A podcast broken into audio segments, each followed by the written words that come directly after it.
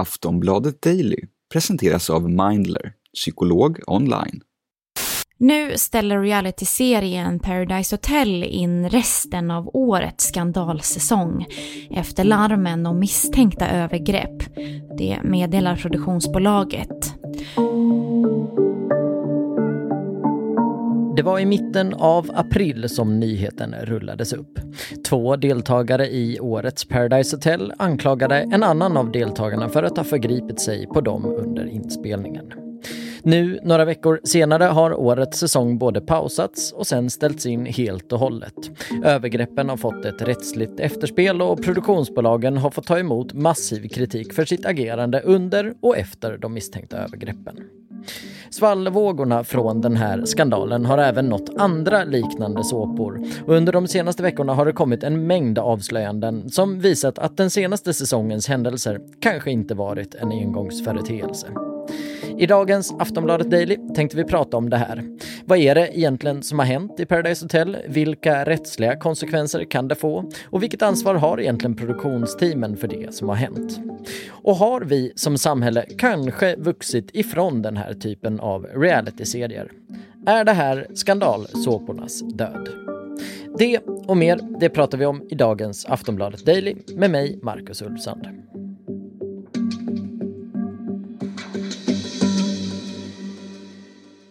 Och med oss idag har vi Linn Elmervik, reporter och redaktör på Aftonbladet Nöje. Och hon får först och främst börja med att återberätta de händelser som är själva startskottet för de senaste veckornas händelseutveckling. Så vad var det egentligen som hände i årets Paradise Hotel? Ja, det var egentligen eh, två saker som hände då i ett avsnitt som släpptes för några veckor sedan.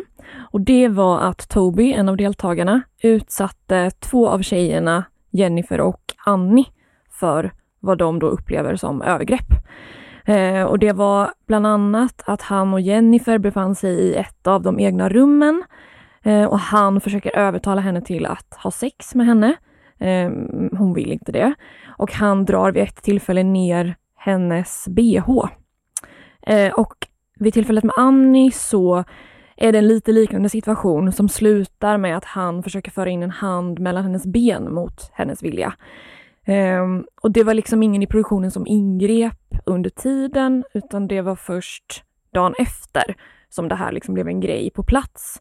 Uh, och då skickades Toby hem. Det här sker ju under själva inspelningen. Toby skickas hem, men det blir ju inte en nyhet förrän ganska så långt mycket senare när det når medierna. Vad är det som händer då egentligen? Det som händer är att avsnittet släpps då ett halvår senare och tittare reagerar på vad är det egentligen som händer i programmet. Eh, och deltagarna gör också intervjuer där de berättar mer om det här. Eh, ja, men det är som att det först då framgår att det är övergrepp som har skett, som syns liksom klart och tydligt på, i avsnittet helt enkelt. Eh, och det har ju skapat otroligt starka reaktioner och då har ju också kanalen fått eh, agera. Eh, man pausade först alla, all sändning av programmet. Nu har man eh, gett besked om att man har stoppat det helt. Det kommer inte komma tillbaka den här säsongen. Eh, det har ju också inletts nu en förundersökning efter att eh, Nent, då bolaget som visar programmet, har valt att polisanmäla tillsammans med de här två tjejerna. Vi ska snart prata mer med Linn Elmervik, men först några ord från vår sponsor. Skulle du vilja prata med en psykolog men vet inte riktigt hur du ska göra? Mindler är en digital vårdgivare där du fritt kan välja bland 300 psykologer och prata online via videosamtal eller chatt.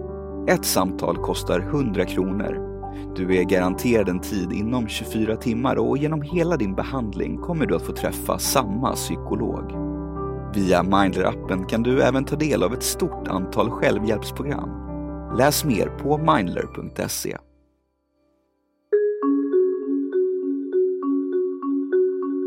Så, då var vi tillbaka igen. Och i dagens avsnitt pratar vi som bekant om de misstänkta övergrepp som skedde i årets säsong av Paradise Hotel. Det hela det uppdagades i mitten av april, men sedan dess har det kommit en rad nya avslöjanden på samma tema. Ett axplock. P3 Nyheter kunde i början av maj berätta att 11 av 20 tidigare Paradise Hotel-deltagare själva hade sett eller upplevt någon form av sexuella ofredanden under inspelningarna. Produktionsbolaget Mastiff svarade att det inte får förekomma några sexuella ofredanden i programmet. SVT Kultur tittade tillbaka på tidigare säsonger av både Paradise Hotel men även andra program såsom Big Brother och de kunde då hitta en rad exempel på misstänkta övergrepp som liknade det som satte bollen i rullning den här gången. Mastiff svarade igen att sexuella ofredanden inte får förekomma i programmen och produktionsbolaget Meter svarade att man har uppdaterat sin policy för hur man hanterar den här typen av ärenden. Veckorevyn har i sin tur pratat med deltagare från Paradise Hotel som menat att produktionsteamen har mörkat övergrepp under flera år. Mastiff svarade då än en gång att de självklart aldrig skulle acceptera att det skedde övergrepp under inspelningarna. Och en ytterligare följd av allt det här är att årets inspelning av X on the beach också ställts in. Produktionen har torrt uttryckt att de inte tror att det är någonting som tittarna vill ha just nu. Så vad allt det här kommer leda till, det vet vi ännu inte. Men klart är att vittnesmålen bara har fortsatt strömma in. Det har verkligen varit proppen ur. Men varför händer egentligen allt det här just nu? Det här är program som har varit skandalomsusade länge, men aldrig tidigare har det lett till reaktioner av det här slaget. Ja, vi hör Linn Elmervik igen. Jag tror att de här programmen har ändå gått ganska länge. Det har hänt ganska mycket under tiden, liksom sen programmet hade premiär i Sverige. Eh, samhället har utvecklats ganska mycket. Man reagerar på ett annat sätt. Både vi som tittare och deltagarna tror jag har en annan syn på vad som är okej okay och inte och vad man kan reagera på och inte. Eh, det är liksom, ja men samhället har utvecklats medan tiden kanske står still lite grann där inne i husen där de här reality-såporna spelas in. Um, men vi vill liksom inte se, vi vill absolut se skandaler och drama men vi vill inte se övergrepp på kvinnor. Vi, vi reagerar starkare på det tror jag. Um, du har ju skrivit om det här och bland annat så formulerar du dig som att tv-bolagen har misslyckats totalt. Om du vill utveckla, vad är det du menar med det?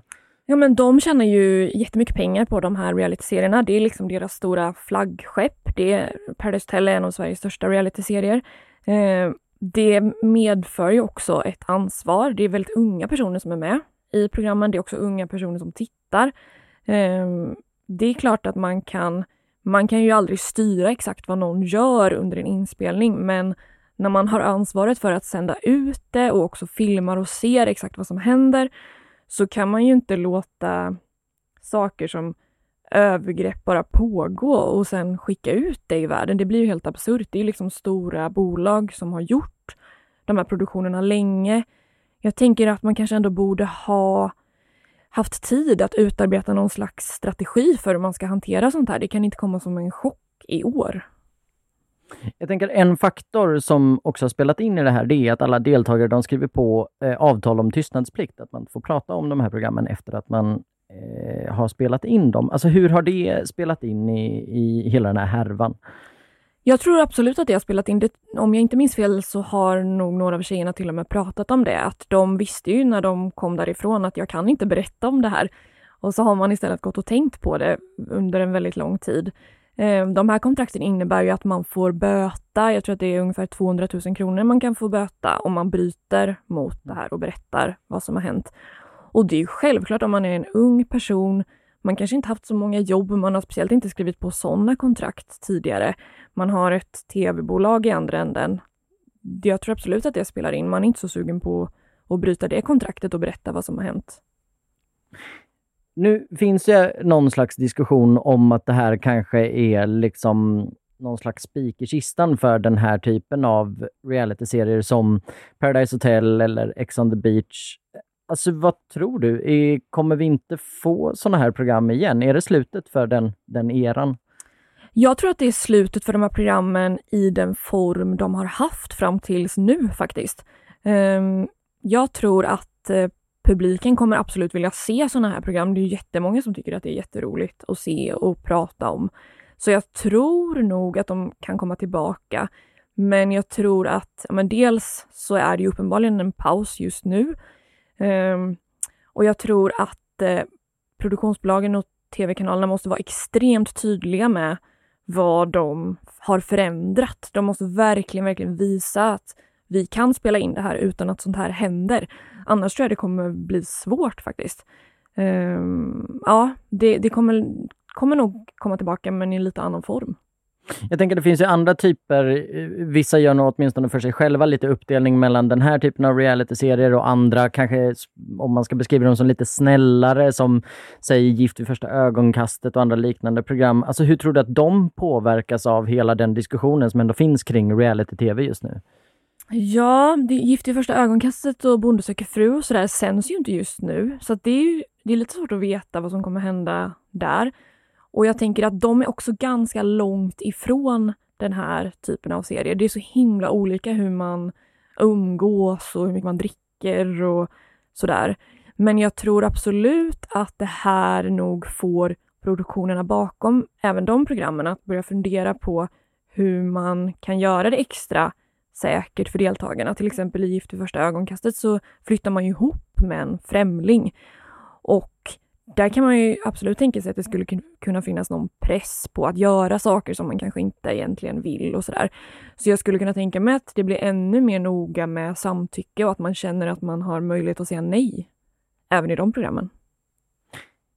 Avslutningsvis bara, vi har ju varit inne på det lite tidigare, men vad skulle du säga, alltså vilket ansvar har tittarna i de här situationerna? Det är ju intressant och svårt för att det är klart att man har ett ansvar som tittare, tycker jag absolut. Eh, och det är också tittarnas reaktioner på det som har hänt som har gjort att det här har fått konsekvenser så att man kan ju verkligen påverka. Eh, samtidigt så får man ju heller inte låta bolagen som skapar de här programmen använda det som en ursäkt, tycker jag. Det är ju ändå de som har det största ansvaret.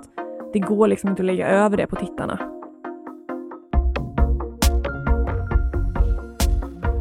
Sist här Linn Elmrevik, reporter och redaktör på Aftonbladet Nöje. Jag som pratar nu, jag heter Marcus Ulfsson och det här är Aftonbladet Daily, vår dagliga nyhetspodd. Oss hittar ni i alla möjliga poddspelare, så se till att prenumerera på oss där, så hörs vi snart igen.